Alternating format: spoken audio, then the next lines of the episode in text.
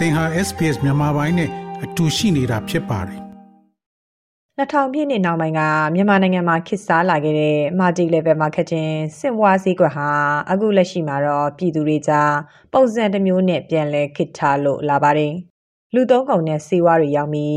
MLM ဈေးကွက်ထဲရှိတဲ့ကိုယ်စားလှယ်တွေကအဖွဲ့ဝင်တစ်တွေကိုရှာဖွေဈေးကွက်ချဲ့ထွင်တဲ့စီးပွားရေးတစ်ခုပါ အရင်ကလူချင်းတိုက်ရိုက်ဆက်သွယ်ကွန်ရက်ချဲတဲ့စနစ်ကနေအခုချိန်မှာတော့ digital online စနစ်တစ်ခုအဖြစ်ပြန့်နှံ့လာနေတာဖြစ်ပါတယ်။ပြီးခဲ့တဲ့လပိုင်းအတွင်းမှာပဲ Zoom ဆိုတဲ့ online store application အတူတခုမြန်မာပြည်သူတွေကြားခေတ်စားခဲ့ပြီးတစ်လအတွင်းအဖွဲ့ဝင်9000ကျော်လောက်အထိရှိသွားခဲ့ပါတယ်။ Jom အတူက MLM ပုံစံမျိုးပုံပေါ်လာတယ်လို့ဝေဖန်မှုတွေထွက်ပေါ်ခဲ့ပြီးသုံးစွဲသူတွေနဲ့ anti MLM တွေကြားလက်ရှိအချိန်ထိပဋိပက္ခတွေလည်းဖြစ်နေပါတယ်။ Digital Shopping Application ဖြစ်တဲ့ Jom Asset ကဥရောပကစတင်ခဲ့ပြီးလိုက်လုပ်ထားသူ9တန်းကျော်သုံးစွဲသူ350ကျော်ရှိပါတယ်။ အခုထွက်ပေါ်နေတဲ့ ဂျုံအတူရဲ့မှန်ပါကြီးဟာ လက်ရှိဒေါ်လာပေါက်စီနဲ့ဆို အနည်းဆုံးကျပ်3,400လောက်ကနေတွင်ပြီးမှ ကိုယ်စလဲလုပ်လို့ရတာဖြစ်ပြီး လက်ရှိမှာတော့မှန်ပါဝင်ကြီးအနေအမြင့်လိုက် ကျပ်2သိန်းကျော် ဖြစ်နေပါပြီ။ဂျုံအတူဆိုတာ မသိခင်က ဝင်ရောက်လောက်ကင်မိခဲ့တဲ့ အဆိုတော်တူဖြစ်သူ ကိုရဲနောင်ကဒါတချို့ site တွေကိုကျွန်တော်က promotion base လို့ကျွန်တော်ကဟိုကဒီကတော့ကျွန်တော်ရတယ်လို့ကျွန်တော်ရတယ်ဟိုက share လုပ်ပြီးရပေါ့အမှလူရှာလို့ဖြစ်သွားတယ် promote လုပ်လို့ဖြစ်သွားတယ်ဆိုတော့ကျွန်တော်ကနောက်ပိုင်းပြန်လေ့လာလိုက်တော့နောက်ပိုင်းမှာ line ပေါ်မှာဒီလိုမျိုးဥစ္စာတွေကလုံးဝအာမခံချက်မရှိတဲ့စာတွေဗျာတကယ်လို့လိမ်ကြီးသွားတာတော့ဒီ link ဒီ website link တွေပိတ်သွားတဲ့အခါမျိုးမှာဘယ်သူမှတာဝန်မှုတာဝန်ခံမှုမရှိဘူးဗျာခုဒီပုံစံဆိုတော့ machine ကျွန်တော်လုပ်ခဲ့တဲ့ promotion ဆွေးလို့ဖြစ်ခဲ့တဲ့ video တွေကျွန်တော်အကုန်ပြန်ဖြတ်တယ်။ကျင်းတော့ဘာလို့ဒီလိုမျိုး scan site တွေမှာလောက်နေရလဲဆိုဒီကတော့ဗျာကျွန်တော်ကအရက်တောက်တယ်ဒါပေမဲ့သူများကအရက်တောက်ဖို့မဆွဲဘူးပေါ့ဒီတော့ကျွန်တော်ဒီလူလည်းမဆွဲဘူးမြန်မာမြန်မာနိုင်ငံကလူတွေမလောက်တဲ့ site တွေမှာကျွန်တော်လုပ်တယ် နောက်ပိုင်းကျတော့လေမလုံးပေးထားတဲ့ site တွေပေါ်လာပြီဆိုရင်တတိထားကိုစီရပတ်စံအရင်ပေးလိုက်ရတဲ့ site တွေဆိုပြီးထားသေးတယ်။ဘာလို့တော့နားမလည်ပဲလုပ်တယ်ဆိုကိုပဲခံရမှာ။အဲဒါဆိုရင်တော့ဒါကအန်ဒီတိတ်မရှိဘူး။ဖြစ်နိုင်တယ်ဆိုတော့ဒီလို site မျိုးတွေမှာဝင်ပြီးတော့မပြော်ပါတာအကောင်းဆုံးပဲ။သူကဘယ်လိုမျိုးလဲဆိုတော့အလောင်းကစားလို့ပဲဆိုရတယ်။တစ်ခါငွေရဘူးလေဆိုနောက်တစ်ခါဒီလိုမျိုး site တွေလိုက်ရှာပြီးတော့ငွေရှာရတယ်။အဲဒီကလူမခေါ်နဲ့ပြီးတော့ရင်ကိုကိုယ်တိုင်အဆုံးဆုံးနေမဲ့သူနဲ့စပြီးတော့ရင်တတိညာတဲ့လူတွေနဲ့တိုင်ပြီးတော့မှလုပ်စီတယ်ကြာဟုတ် လက်ရှိမြန်မာနိုင်ငံမှာခေတ်စားနေတဲ့ John application အတူနဲ့ပတ်သက်ပြီးသက်ဆိုင်ရာရုံးတွေစီတိုင်ကြားမှုတွေပြုလုပ်ခဲ့ပေမဲ့သူတို့နဲ့မသက်ဆိုင်ကြောင်းသာစာထုတ်ပြန်ခဲ့ပြီးအခုလက်ရှိ John အတူကတော့ပုံမှန်လုပ်ငန်းလက်ပတ်နေစေပါ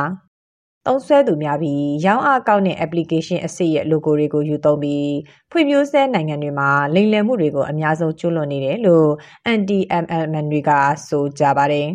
ဂျွန်းအပါအဝင် Amazon, eBay, Shopee စတဲ့နာမည်ကြီး online ဈေးကွက်စနစ်တွေကိုအသုံးချပြီး member တိုးအောင်လုပ်ခါဝင်ငွေရှာတဲ့ application အတုပုံစံတွေကရာချီရှိနေတာပါ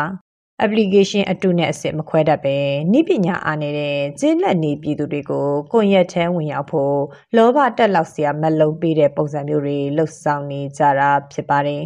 application အတူမှာတကယ်ဈေးဝယ်နေစရာမလိုပဲ order အတူတင်ပြီးကြော်ညာလုပ်ငန်းပုံစံနဲ့အယောင်ဆောင်ကလစ်ခိုင်းစေတာမျိုးပါကိုယ်တိုင်ကလူတယောက်ဆွဲနိုင်တိုင်းဒေါ်လာရတယ်လို့ကိုဆွဲလိုက်တဲ့လူက order တစ်ခုတင်တိုင်း level အလိုက်ရာဂိုင်နှုန်းတွေပေးနေတဲ့ MLM ပုံစံမျိုးစီးပွားရေးတစ်ခုလည်းဖြစ်နေပါတယ် နောက်ပိုင်းမှာမန်ပါအဝင်နေသွားရင် နောက်ကလူသွင်းတဲ့အသင်းဝင်ကြီးနဲ့ရှေ့ကလူတွေထုတ်တဲ့ငွေမညီမျှတဲ့အခါဒီလုပ်ငန်းဟာရပ်သွားနိုင်တယ်လို့ကြံ့ကျင်သူတွေကသုံးသပ်ကြပါတယ်။ MLN လုပ်ငန်းတွေကိုစန့်ကျင်ခဲ့ပြီးအသိပညာပေးလုပ်ငန်းလုပ်ကိုင်နေသူကိုစင်စေးကတော့လက်ရှိထွက်ပေါ်နေတဲ့ John application အတူနဲ့ပတ်သက်ပြီးအခုလိုပြောပါတယ်။ multi level marketing company တွေရဲ့အာဇယိုက်လက္ခဏာထားပါတော့ဟို9ခု6ခုရှိရဆိုရင်သူတို့ ICI လက္ခဏာတွေက3ခုလောက်ကိုယူပြီးတော့မှသူတို့ပါသူတို့လောက်ကြတဲ့ခါတွေရှိတယ်အဲ့တော့အဲ့ဒါကလည်းပုံစံအမျိုးမျိုးပဲဥပမာတချို့ဟို PC ရောင်းနေဆိုတဲ့ဟာမျိုးတွေပေါ့နော်ရှိရဲ online မှာ sales agent ပေါ့နော်အဲအယောင်းကိုဆိုလည်းခေါ်ရဲဆိုတဲ့ပုံစံမျိုးအဆင့်50လောက်အထိ bonus ပေးတာမျိုးပေါ့နော်အဲပြီးရင်တကယ်တကယ်တမ်းမှာ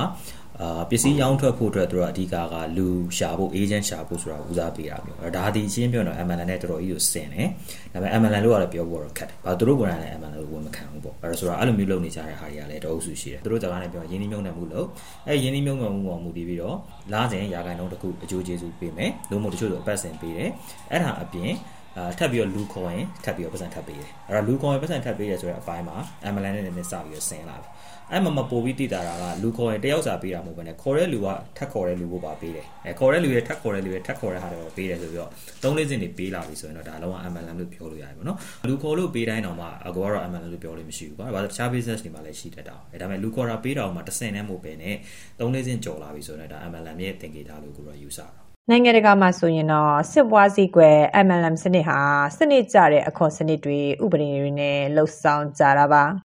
စင်ကာပူနိုင်ငံနဲ့တရုတ်နိုင်ငံတွေမှာဒီလို element စနစ်တွေဟာပြည်သူတွေအတွက်အကျိုးမရှိဘဲဥပဒေအတွင်းကကာကွယ်ပြီးထိထိရောက်ရောက်ပိတ်ပင်တာမျိုးတွေကိုပြုလုပ်ထားကြပါတယ်။အခုလိုနိုင်ငံအများစုကပိတ်ပင်ထားကြပေမဲ့မြန်မာနိုင်ငံအပါအဝင်ဖွံ့ဖြိုးဆဲနိုင်ငံတွေမှာတော့ကြကြပြန့်ပြန့်ရှိနေစေပါ။ လက်ရှိခေတ်စားနေတဲ့ online စနစ်တင်မကပဲ NMN ပုံစံစနစ်လှုပ်ဆောင်ပုံကမြန်မာနဲ့အိမ်နီးနားချင်းထိုင်းနိုင်ငံနှစ်ခုကြားမှာတော့ကွာခြားမှုများစွာရှိနေပါတယ်။ MLM စနစ်ကိုအသုံးပြုပြီးလူသုံးကုန်နဲ့အဝတ်အထည်တွေရောင်းချနေတဲ့ထိုင်းနိုင်ငံဆူလီယန်ကုမ္ပဏီရဲ့မန်နေဂျာဖြစ်သူကိုရှိန်အောင်ကတော့အဓိကတော့ဥပဒေပဲဗျာဒီမှာဥပဒေရှိတယ်နောက်တစ်ခုက ML စနစ်ကပြောမစို့အစိုးရကိုယ်တိုင်ကလည်းအခွန်အတိအကျ ရတယ်လေအခွန်တိကျရပြီအခွန်လည်းရတာလည်းများတယ်အကောက်ခွန်ကိစ္စအကောက်ခွန်ကလည်းကျွန်တော်တို့ဒီမြန်မာနိုင်ငံသားတွေထဲမှာပဲဆိုလို့ရှိရင်တနေ့ဟိုပငါးသိန်းအခွန်ဆောင်နေလို့ရှိရင်ကျွန်တော်တို့ထိုင်းဘိန်းမျိုးနွယ်တွေရတယ်ပြီးတော့သူ့နိုင်ငံအတွက်ဆိုဒါအခွန်ဆောင်တဲ့အတွက်နိုင်ငံသားတွေရောတော့ဒါကောင်သူ့နိုင်ငံသားတွေရောဒါကောင် သူကချီးမြှင့်တဲ့ဟာတွေရှိတယ်ဗျဒါပေမဲ့မြန်မာနိုင်ငံမှာကျတော့အခွန်ဥပဒေလည်းအတိအကျမရှိတော့မြန်မာနိုင်ငံတော့ကဒီ MN စနစ်မှာအစင်းသိမဖြစ်သေးတဲ့အနေအထားမျိုးထိုင်းမှာကျတော့ဒီပစ္စည်းတစ်ခုကိုပြောမယ်ဆိုရင်ဒီပစ္စည်းဒီ FDA နဲ့တေချာစစ်ဆေးထားရတယ်ဗျဒီပစ္စည်း FDA စစ်ဆေးပြီးရင်ဒီပစ္စည်းရဲ့နောက်တစ်ခုကျညာတော့မယ်ဆိုဒီပစ္စည်းရဲ့လိုအောင်လိုတာလည်းပြောလို့မရဘူးပိုလည်းပြောလို့မရအောင်နောက်တစ်ခုကဈေးနှုန်းကသူကုမ္ပဏီကတတ်မှတ်ထားတယ် ဒီသူကတ်တက်လောက်ထဲမှာပါတဲ့ဈေးနှုန်းဒီဈေးနှုန်းဒီကုမ္ပဏီကသတ်မှတ်ထားဈေးအကဲ member ဝင်မယ်ဆိုရင် member ဈေးကဒီလောက်ဒီတက်လည်းဈေးက short လို့မရဘူးဒီတက်လည်းပိုရောင်းလို့မရဘူးဒီတက် short ရောင်းမယ်ဒီတက်ပိုရောင်းမယ်ဆိုရင်ကုမ္ပဏီကိုယ်တိုင်ဘန်းမှာအဲလိုမျိုးရှိတယ်ဒီမှာကြတော့အဲ့လိုမျိုးရက်တည်ကြတာလေမြန်မာနိုင်ငံမှာ2016ခုနှစ်လောက်ကတည်းက MNN စနစ်ကိုတိုက်ဖြတ်ဖို့ကြိုးပမ်းလာကြတဲ့ anti MNN တွေအပါအဝင်လွှတ်တော်အမတ်ကိုယ်စားလှယ်တွေဟာဥပဒေရှိဖို့ကြိုးပမ်းခဲ့ကြပါတယ်။ 2018ခုနှစ်စက်တင်ဘာလလောက်မှာတော့စီးပွားရေးနဲ့ကုသရေးဝန်ကြီးဝန်ကြီးဌာနက multi level marketing လုပ်ငန်းတွေကိုအရေးယူမယ်ဆိုပြီးကြေညာချက်ထုတ်ပြန်ခဲ့ပါတယ်။ multi level marketing စနစ်ကိုဆက်လုပ်မယ်ဆိုရင်ထောင်ဒဏ်3နှစ်အထိကြာရောက်ခံရမှာဖြစ်ပြီးငွေကျပ်9သိန်းလဲပေးဆောင်ရမှာဖြစ်တယ်လို့ထုတ်ပြန်ချက်မှာပါဝင်ပါတယ်။ ဒီလိုကြေညာချက်ထုတ်ပြန်ပြီးနောက်မှာတော့ရန်ကုန်တိုင်းအထူးစုံစမ်းစစ်ဆေးရေးဦးစီးဌာနကနေ MLM ကုမ္ပဏီ42ခုကိုစုံစမ်းစစ်ဆေးခဲ့ပြီးပိတ်သိမ်းခဲ့တဲ့ကုမ္ပဏီတွေလည်းအများပြားပါ ဒီမိုကရေစီအစိုးရလက်ထက်မှာတော့ MLM စနစ်ကိုဥပဒေပါတွင်အရေးယူနိုင်ခဲ့ပေမဲ့လက်ရှိတဖန်ပြန်ပေါက်ဖွာလာတဲ့အခြေအနေဟာစစ်အာဏာသိမ်းကာလဖြစ်တာကြောင့်ဤပညာအသုံးချငွေကြေးလိမ်လည်မှုတွေကိုအရေးယူနိုင်မဲ့အုပ်ချုပ်ရေးစနစ်ပြည့်ရင်းသွားပြီလို့ပြောလာသူကရှေ့နေဦးကြည်ဝဲမှာစီဝါပြက်တာကိုဘုံကတော့စီဝါပြက်တဲ့အခါကျတော့လူကြီးအကျင့်မှာအကျင့်တွေပါပြက်သွားတာကိုကျင့်တရားတွေပါပြက်သွားတာအဲ့ဒါဒါက တကယ်တော့ကျတော့ရာဇဝမှုတော့မဟုတ်ဘူးစီးပွားရေးရလုပ်ငန်းကိုင်တွေပြက်တဲ့အခါမှာ breach of contract ပေါ့ breach ချိုးဖောက်တဲ့သဘောပဲရှိတာပါဟိုပါမအခြေခံဘူးပါမအခြေခံမို့တဲ့အခါကျတော့ဘလို့မှဥပဒေနဲ့ဘာမှလုပ်လို့မရနိုင်ဘူးဒီတိုင်းပြည်ကနိုင်ငံရေးအခြေအနေရအုပ်ချုပ်ရေးစီးပွားရေးလူမှုရေးစီးရေးအကုန်လုံးထိခိုက်ပျက်စီးနေတဲ့အခါမှာတရားဥပဒေနဲ့ကူစားဖို့ဆိုတာမလုပ်နိုင်ဘူး ကြောက်ပြီးမစိုးဘူးပုံပေါ့ကွယ်။ပါမန်ဒီပြည်နိုင်ငံကြီးကာဝယ်လို့ရပြီပဲဒီမှာကလုံးလို့မရဆိုင်။ဒီနိုင်ငံတွေနဲ့ရှင်းလို့မရဘူးတော့။လက်ရှိနိုင်ငံတွင်းမှာအလောက်ကန်ရှားပါမှုနဲ့ဝင်ငွေနှဲတာကိုရင်ဆိုင်နေရတဲ့မြန်မာပြည်သူတွေအတွက်တော့ဝင်ငွေအမျက်စွန်းရနိုင်မဲ့နည်းလမ်းတွေကိုပို့ပြီးရှာဖွေလာကြတာပါ။ ဒီလိုရှာဖွေလာကြတဲ့အခါဝင်ငွေရလန်မက်လုံးပေးဆွဲဆောင်လာတဲ့ multi level marketing ပုံစံ online ဈေးကွက်တက်ခစ်ထလာတာမှာတခြားသူတွေရင်းရတဲ့ငွေနဲ့အမျက်စွန်းရနေတာတွေကိုဆင်ခြင်မိကြဖို့ MLM နဲ့ပတ်သက်ပြီးအသိပညာပေးသူတွေကတတိပေးပြောဆိုကြပါတယ်။ လက်ရှိမှာ MLM စနစ်အခြေခံတဲ့လုပ်ငန်းဆိုပြီးမဝင်ခံပဲအဲ့ဒီသဘောမျိုးလှုပ်ဆောင်နေကြတဲ့လုပ်ငန်းမျိုးတွေနဲ့လူများများစီရအောင်ဖြန့်ဝေမဲဆွဲနေသူတွေနဲ့ပတ်သက်ပြီးသူလုံမဲ့နီလန်တွေကိုကိုစင်စီကအခုလိုဆိုပါတယ် MLM သမားတွေ investment scammer တွေကပတ်စံကရှားရတာလွယ်တယ်သူတို့အတွက်ပေါ့နော်အဲ့လိုရှားပြီးတဲ့အချိန်မှာသူတို့ကနိုင်ငံရေးရဲ့ဘယ်အပေါက်ကိုမဆိုဝင်တိုးမှာပဲအဲ့လိုဝင်တိုးတဲ့အခါမှာသိရမလားဟိုအလူငွေသက်သက်ထည့်ပြီးတော့ဝင်တိုးလို့ရသွားတယ်ဆိုတာမျိုးဖြစ်ရင်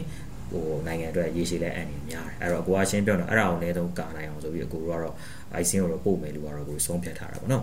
public ကိုပြန်တင်တဲ့ကိစ္စကတော့ public ကနေပေါ်တင်ကြီးလူများများဆွဲနေလို့ယူဆရတဲ့လူတွေဆိုရင်တော့အကို risk ယူပြီးအကိုကိုယ်တိုင်ပဲတင်လိုက်မယ်အဲ့အနည်းဆုံးတော့ the social pressure နဲ့ hand တာပေါ့